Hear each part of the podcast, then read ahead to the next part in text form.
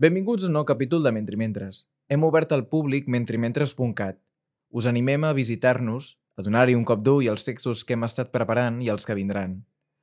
Recordeu que us podeu subscriure en aquesta plataforma en la qual ens escolteu i ara també en el nostre butlletí. Que gaudiu de l'episodi.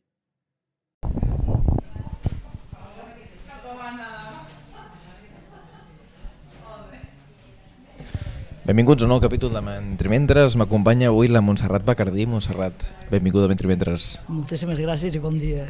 Bon dia, Montserrat, i gràcies per atendre'ns. Eh, vas publicar a finals de mitjans de setembre aquest assaig que va mereixer el tercer premi d'assaig Ricard Torrents Bertrana, justament publicat per Eum Editorial i el títol és La veritat, la veritat literària de Teresa Pàmies és el, és el llibre que, com diem, va mereixer premi, va mereixer també una gran recepció crítica per part dels mitjans i hem hagut de postergar l'entrevista perquè ja anticipaves en un article a l'IEC, anticipaves també en la publicació d'aquest assaig que hi havia una novel·la inèdita que vas detectar en la censura a Madrid i que aquesta novel·la acaba de publicar-se a l'editorial Esiara dins de la col·lecció de clàssics catalans i és Una noia i un soldat, edició introducció també a cura de Montserrat Bacardí potser podria ser interessant mm, començar l'entrevista no? també parlant de les conviccions i, i la convicció de, de la troballa, m'imagino que és un gran motor. Quan, quan detectes eh, aquesta, aquesta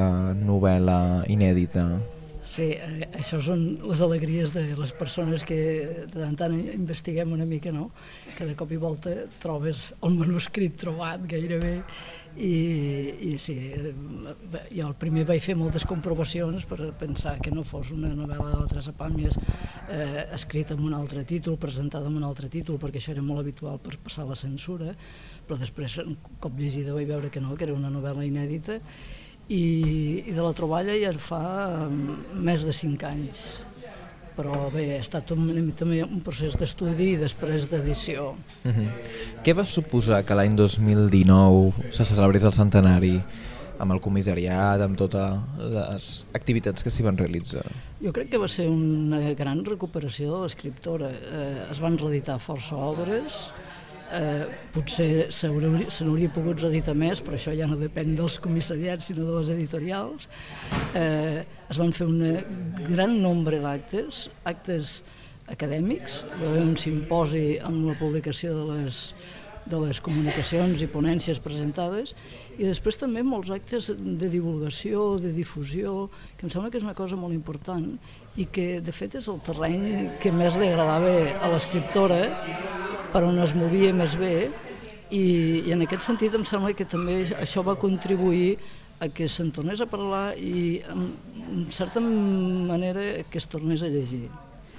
Parlem doncs d'aquesta recuperació. Aquesta recuperació eh, en el pròleg justament passa un fet no? que enumeres tots els autors que van patir censura i justament en el fons és també un, un gran retrat d'una generació i abans eh, fora del micròfon repassàvem alguns d'aquests noms no? i sortien eh, títols de justament Viladot fins a títols de Rosa Maria Arquimbau i passàvem per tot un, un, una gran eh, batalla d'estils molt diferents i ens trobem amb una figura, que això és sobretot el nucli ideològic d'aquest llibre, no? la veritat literària, que és una figura eh, que tots són, si no són contradiccions, són dubtes i són incògnites. En quin moment, però, eh, arribes tu a la figura de Teresa Pàmies?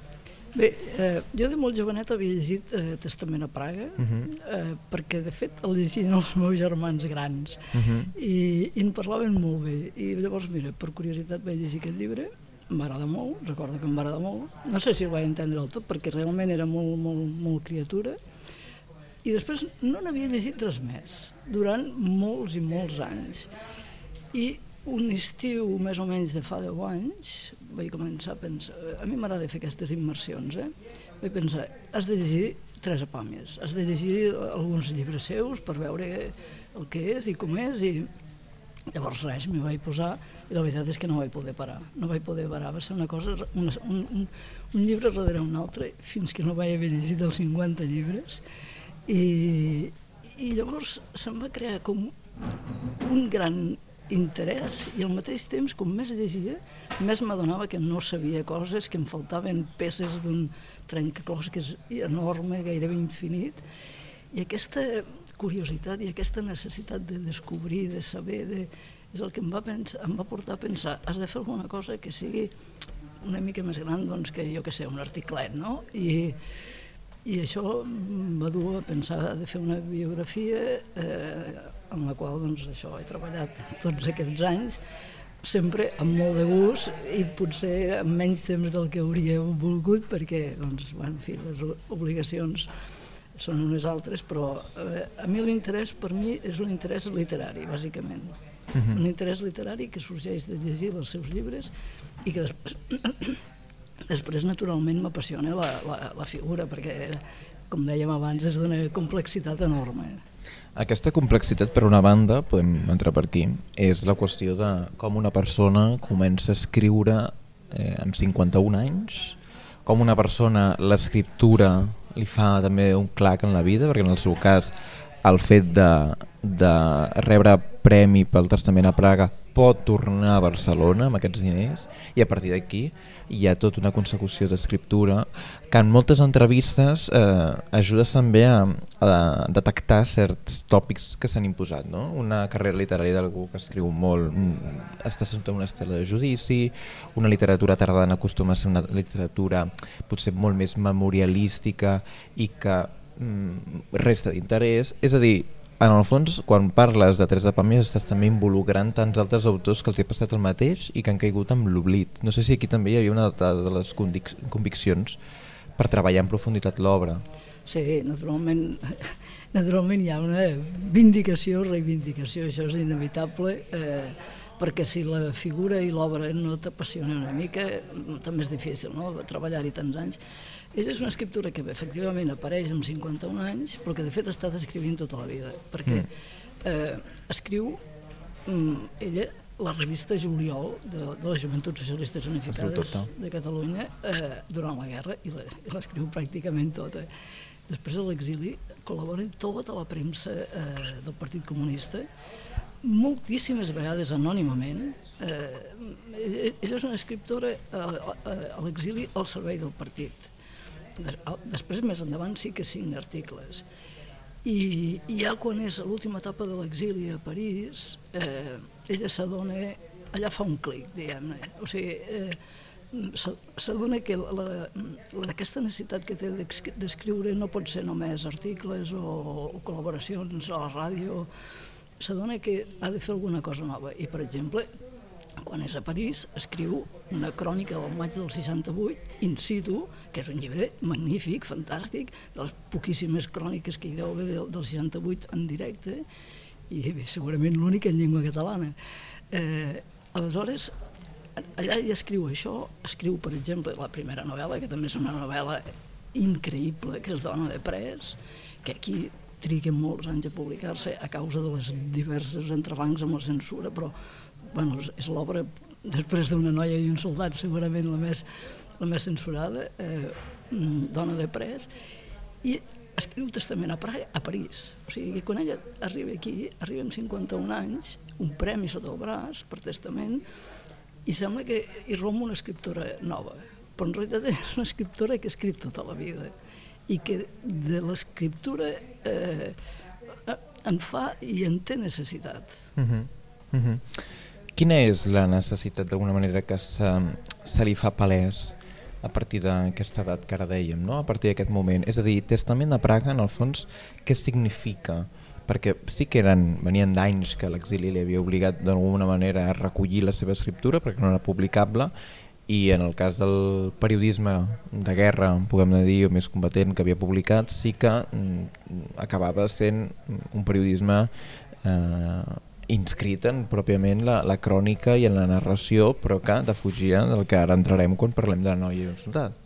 Sí, els anys de, de París són molt importants perquè també són els anys, diguem-ne, de formació d'ella, de formació com a escriptora. Ella comença a tenir una consciència que s'ha de formar eh, i com, no comença, continua llegint, devorant llibres, devorant la gran tradició occidental eh, i aleshores això, pren, pren consciència de, que vol escriure I Testament a Praga, d'alguna manera, és una mena de mm, posicionament sobre el seu passat eh, comunista.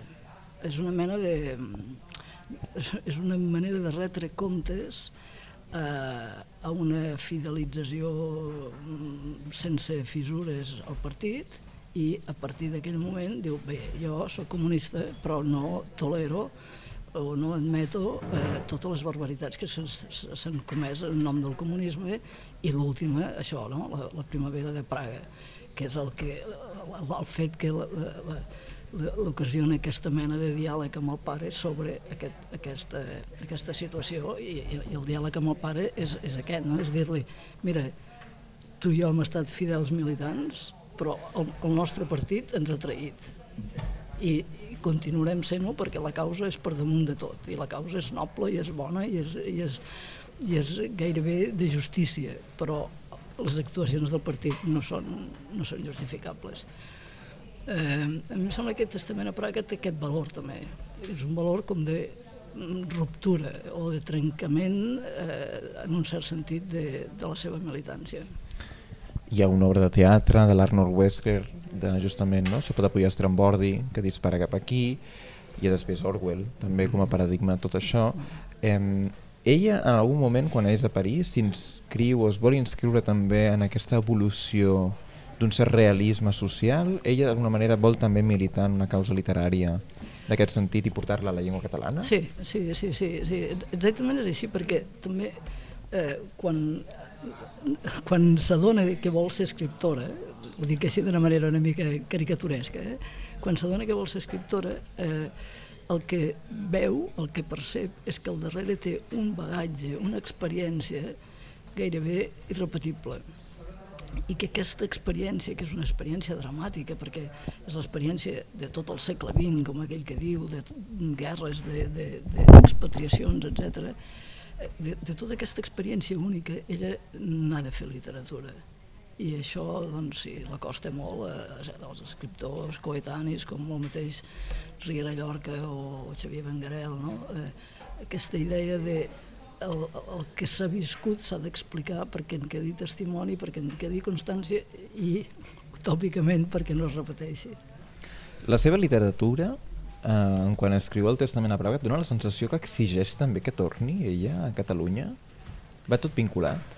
Bé, de fet, ella torna per casualitat, perquè guanya el premi. O sigui, en realitat, eh, ella torna contra tothom, contra la família, contra el partit, contra eh, concretament el, company marit, contra els fills.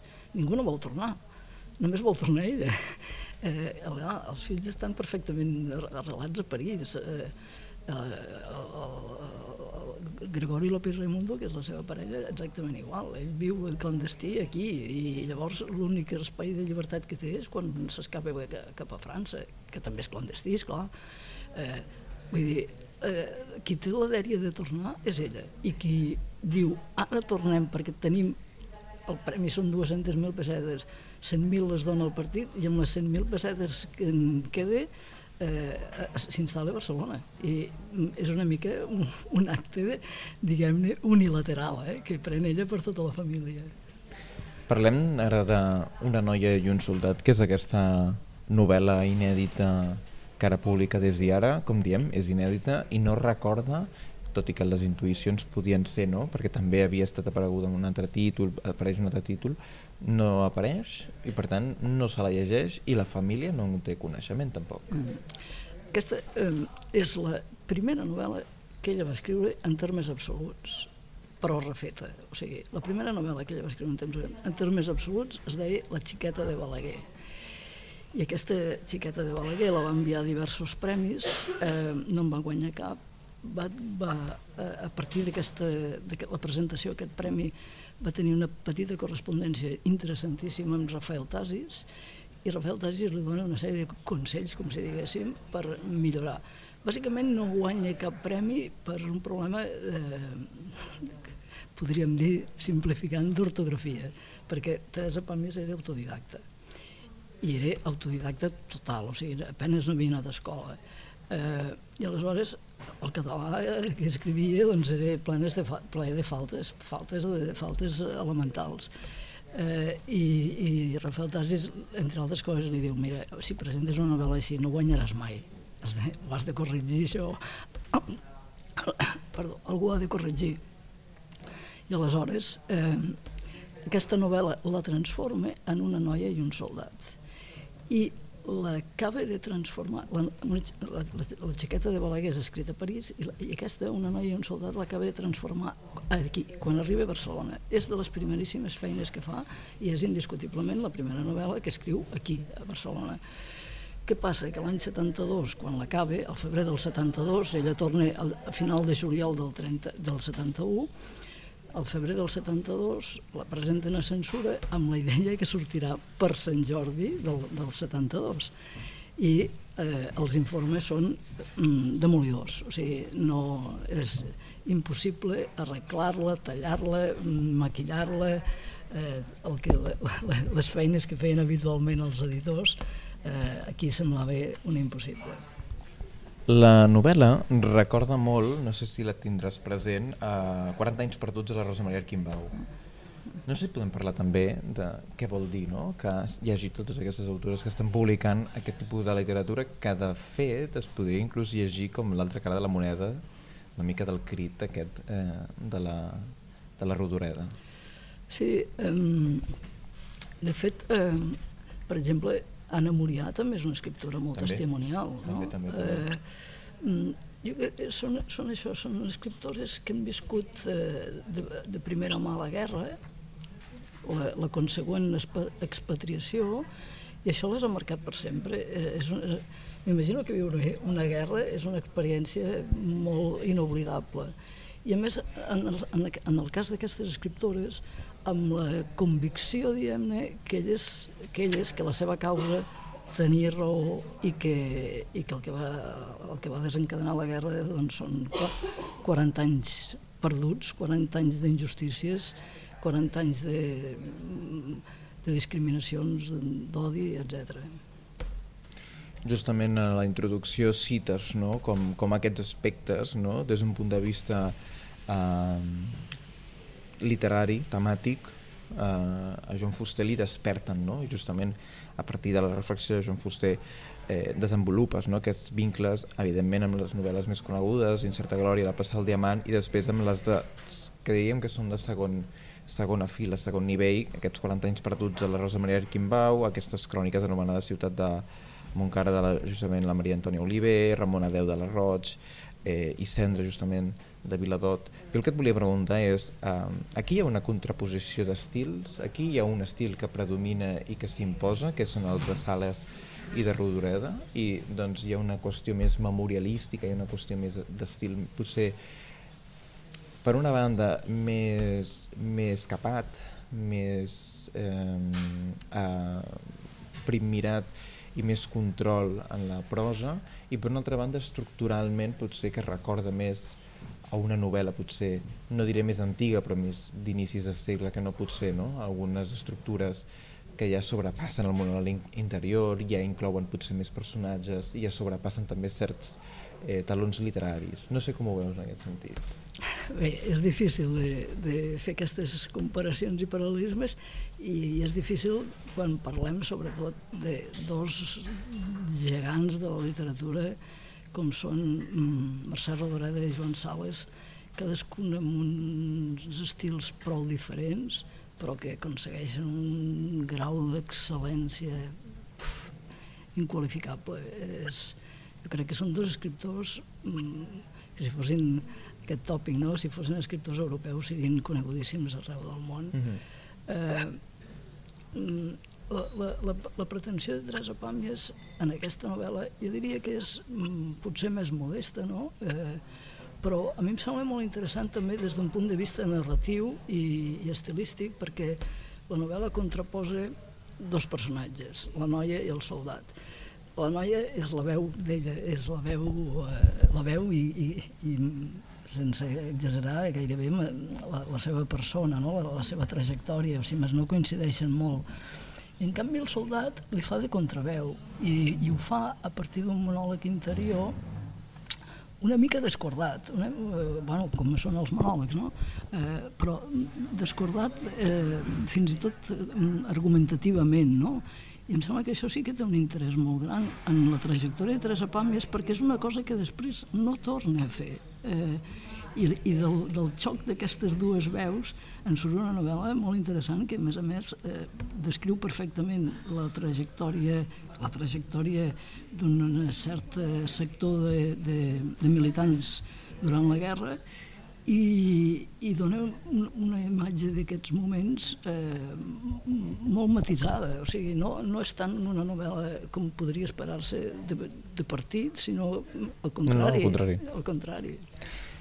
Aquest funcionament que ara dèiem de monòleg interior el podem concretar, hi ha un fragment justament a l'inici que és quan, quan en aquest cas eh, el, el protagonista masculí no? eh, vol accedir a Colón però necessita el carnet del partit no? i diu amb el bandarra del control no m'hi vaig voler barallar però tampoc no li vaig dir que la cinta planes era la meva xicota, perquè no n'havia de fotre res i per entrar a Colón, amb el meu uniforme de soldat de l'exèrcit popular, n'hi havia d'haver prou.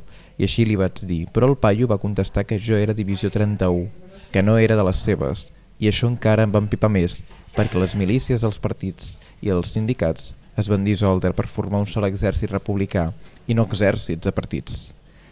Com també acaba col·locant certa reflexió, evidentment, de les tensions de l'època i com tota l'estona hi ha aquesta tensió entre la informació que dona, tota l'estona està fent reflexió sobre el partit, està fent reflexió sobre també no, les vinculacions familiars.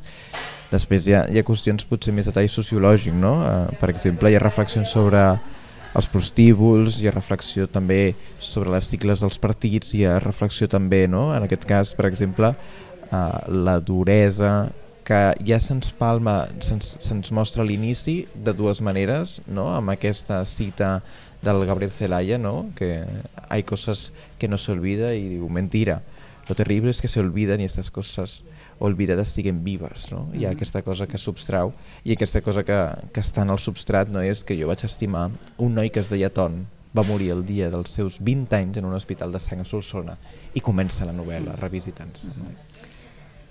Sí, eh, eh, per mi, eh, la, la impressió que, que, que em vaig treure la primera vegada que la vaig llegir és que, diguem-ne, eh, a partir d'aquesta contraposició de veus, eh, si es pot dir així, guanyava, entre moltes cometes, la posició no Teresa Pàmies, o sigui, la posició de la dissidència, la posició d'aquest noi que veu com la guerra bueno, és un desastre, però també l'organització de la guerra, els partits, especialment el Partit Comunista, i, i, i concretament també el desengany doncs, això, no? de, la, de la seva estimada, mm, que segueix eh, fidelment les consignes sense pensar-s'hi gaire. Mm -hmm. I en aquesta convicció l'hem comparat amb altres estils, hem comparat justament, no?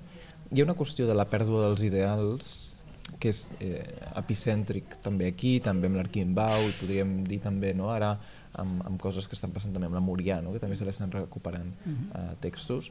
Um, com podem interpretar des d'un punt de vista argumental aquest ús de la literatura com un ús social, com un ús que en el fons el que fa és vincular també una certa un cert intent de reconstruir el país des d'una un, crítica necessària que alguns han de fer per poder progressar i poder fer un gran acord de país Mira, a mi aquesta és una de les coses que em va agradar més de l'obra de Teresa Pàmies. Mm, una persona que mai no va deixar de militar eh, en les successives organitzacions comunistes i que en canvi era tan autocrítica amb el partit, tan, eh, tan autocrítica amb el partit, amb el que ell havia fet, amb el passat en general, amb molts moments eh, de la, de la seva vida eh, amb, amb, amb això, amb actuacions més generals, ella té una, un recurs, que és un recurs eh, clàssic, eh, per fer aquesta mena d'autocrítica, que és la ironia. Mm -hmm. És una escriptora, em sembla que això ha estat poc reivindicat, és una escriptora molt irònica, molt autoparòdica. Eh, eh, Se'n se riu molt d'ella mateixa. I eh, això a mi personalment és un, en fi, una cosa que m'agrada molt, aquesta distància que estableix amb ella mateixa, amb el seu passat. Mm, em sembla que li dona un punt de lucidesa i d'intel·ligència i de mm, possible perdurabilitat d'alguns dels seus llibres que si, si, no, si només hagués estat oh, per això ho van fer malament i, i, i retrets o, o, o, bueno, o revisitacions eh, més o menys forçades seria difícil. Eh, ella se'n se riu d'ella mateixa fins i tot en els llibres de viatge. Quan, quan mm.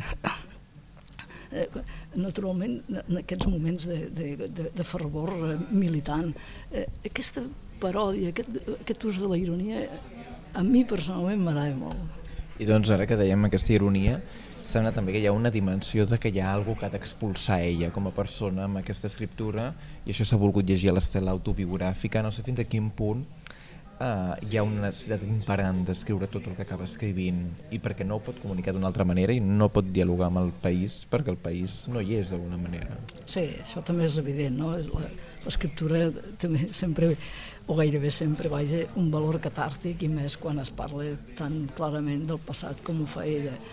I és veritat que li serveix per expressar uns fets, per expressar-se ella mateixa, eh, i és veritat també que si no ho fa amb literatura és molt difícil de fer-ho d'una altra manera perquè això no s'explica en tres articles i, i després hi ha una altra qüestió que és que ella va tenir una vida personal complicada uh mhm. -huh. i aleshores doncs, la literatura també serveix una mica per foragitar fantasmes.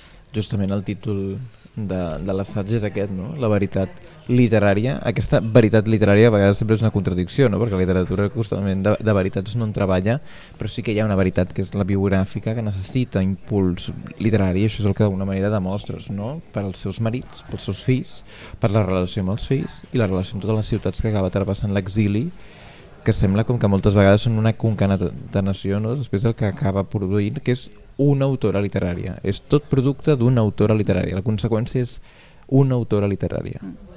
Sí, aquest, eh, el títol no és, no és meu, eh? és de la Maria Aurelia Campany i la veritat és una frase de seva que em va encantar i de seguida vaig veure que aquest havia ser el títol de, del llibre. Eh, a mi m'agrada aquesta contradicció perquè realment en el, la, la, la, vaja, la suposada paradoxa que és la veritat literària, no?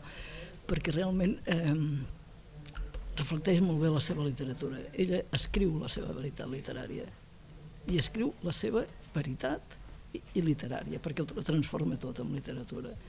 Però la seva literatura és basada en la seva veritat. O sigui que em sembla que eh, poques expressions poden definir més bé el, el que és la seva obra i realment ho agraeixo a la Maria Aurelia Campany. Com dèiem, hi ha un factor d'homenatge, un factor de recuperació i el que fa que la seva obra ara eh, rebi l'atenció d'aquest inèdit, d'aquest assaig, també vindria, no? seria interessant que vingués acostumat, eh, perdó, acostumat no, eh, vingués acompanyat d'una reedició de Testament a Praga, d'una reedició també d'algunes seves obres, però com dèiem, algunes d'elles ja havien començat a publicar-se d'una forma potser més eh, independent, perquè altres editorials s'hi havien interessat. Però jo, hi havia un fet, perquè jo vaig començar justament l'any 2017, quan va aparèixer aquesta reedició de quan érem refugiats, que em va semblar que era un text singular, perquè no sabies ben bé què estaves llegint i no sabies ben bé, i clar, comprès després amb, amb tota l'obra i havent entès això, ara té molta explicació. No sé tu com et vas, eh, o com t'expliques també que l'any 2017 és, es tractés de, de publicar una obra de la Pàmies com, com aquesta. Quina explicació pot haver-hi? Bé, Tres Pàmies va ser una escriptora molt popular increïblement popular. Eh, els primers anys eh, dels seus llibres se'n feien incomptables reedicions. Jo he tingut una mica d'accés a la correspondència amb les editorials. Uh mhm. -huh. Estem parlant de milers i milers d'exemplars venuts, una cosa fabulosa. I mm, eh, el seu fill, el Sergi Pàmies, diu que la, la, la seva generació ja és morta i que per tant ara no interessa gaire a ningú. Eh, jo crec que no, jo crec que encara perdura la memòria d'aquesta popularitat en uns certs sectors, en uns sectors de població gran, i que els seus llibres mm, convenientment presentats mm, haurien de despertar interès.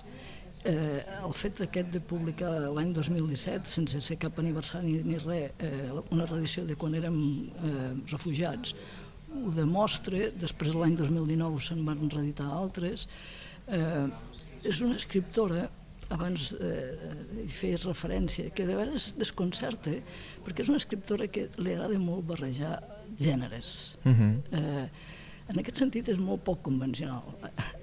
Una noia i un soldat, sí, és una novel·la, realment és una novel·la, però en molts altres llibres ella eh, al costat de la narració hi posa doncs, una carta, eh, un fragment d'un article, etc és una, és una narradora en, en aquest sentit mm, amb, amb moltes inquietuds formals i jo crec que això de vegades s'ha vist com una mena de, no sé, com, gairebé deixadesa, no? deixadesa estilística i, i jo estic convençuda que aquí hi ha tota la intenció del món de fer una literatura que mm, d'alguna manera subverteix els gèneres o intenta trencar molles dels gèneres i això també em sembla molt modern. Estem parlant avui amb Montserrat Bacardí, catedràtica de la Facultat de Traducció i Interpretació de la Universitat Autònoma, que li ha tocat fer aquesta edició i introducció d'aquesta nova edició per bé que és una novel·la inèdita d'una noia i un soldat, publicat des d'ara. Hem pogut parlar també breument d'aquest assaig que va mereixer el tercer premi d'assaig Ricard Torrents Bertrana i jo et volia preguntar ara per anar concloent l'entrevista què queda per fer ara, perquè si bé parlem de reedicions pendents, parlem ara de que hi ha una contextualització de tota la seva obra literària i hi ha un motor que permet llegir-la tota des d'aquesta convicció, que és tot el que expresses en aquest assaig. Ara què és la tasca que queda per fer? Aquesta és una bona pregunta. No, eh, tu David feies referència, em sembla que valdria la pena reeditar algunes obres ben reeditades, uh mhm. -huh. abans he parlat de dos uh -huh. i, mm. i, i em serveixen d'exemple, no? la, la crònica del maig del 68 o, o, o Dona de Pres, una novel·la corprenedora, eh, i després mm, Teresa Pàmies és una escriptora molt polifacètica, també és una gran articulista, una articulista realment bueno, vull dir, va mereixer tots els elogis i tots els premis com a articulista i em sembla que mm, són pocs. Una selecció, per exemple, dels seus articles em sembla molt interessant. Uh mhm. -huh jo vaig intentar també fer un petit recull de correspondència, aquest recull s'hauria d'ampliar. Uh mhm. -huh. En fi, jo crec que hi ha molta feina i molt apassionant eh, quan es tracta d'una escriptora tan apassionant com Teresa Pàmies. Justament l'editorial Coma Negra els últims anys ha fet una gran aposta amb la Rosa Maria Arquimbau i l'últim que ha sortit justament en els articles, el Simon Soda, per tant, seria una edició en aquest sentit, no? també de vinculació de tota sí, la seva obra literària d'articulista sí, sí. i que ha tingut una força bona acollida i que justament la figura de Rosa Marquí Quimbau s'ha pogut col·locar en un espai d'exhibició que potser Teresa Pàmies potser no gaudeix aquest desconeixement popular, encara hi ha molta gent que la recorda, però bé sí que hi ha un desconeixement per a les noves generacions que no l'han llegit, bàsicament. No? Això també seria un, un fenomen important. Sí, sí, a més, eh, de vegades recordem la Teresa Pàmies de gran, com si diguéssim, escrivint Correcte. llibres sobre la bellesa i tot això, i és una imatge que d'alguna manera ha, ha tapat l'escriptora més, més força i, i més subversiva, perquè els articles eh, que va escriure a l'exili, per exemple, i que aquí són tan poc coneguts, n'hi ha alguns d'interessantíssims. Mm -hmm. Mm -hmm. Montserrat Bacardí, moltíssimes gràcies avui per passar per Mentre Mentres i tenir aquesta conversa d'uns 30 minuts i parlar en calma de, de la figura. Moltíssimes gràcies a vosaltres, és un plaer perquè és un espai que m'encanta, gràcies. Moltes gràcies.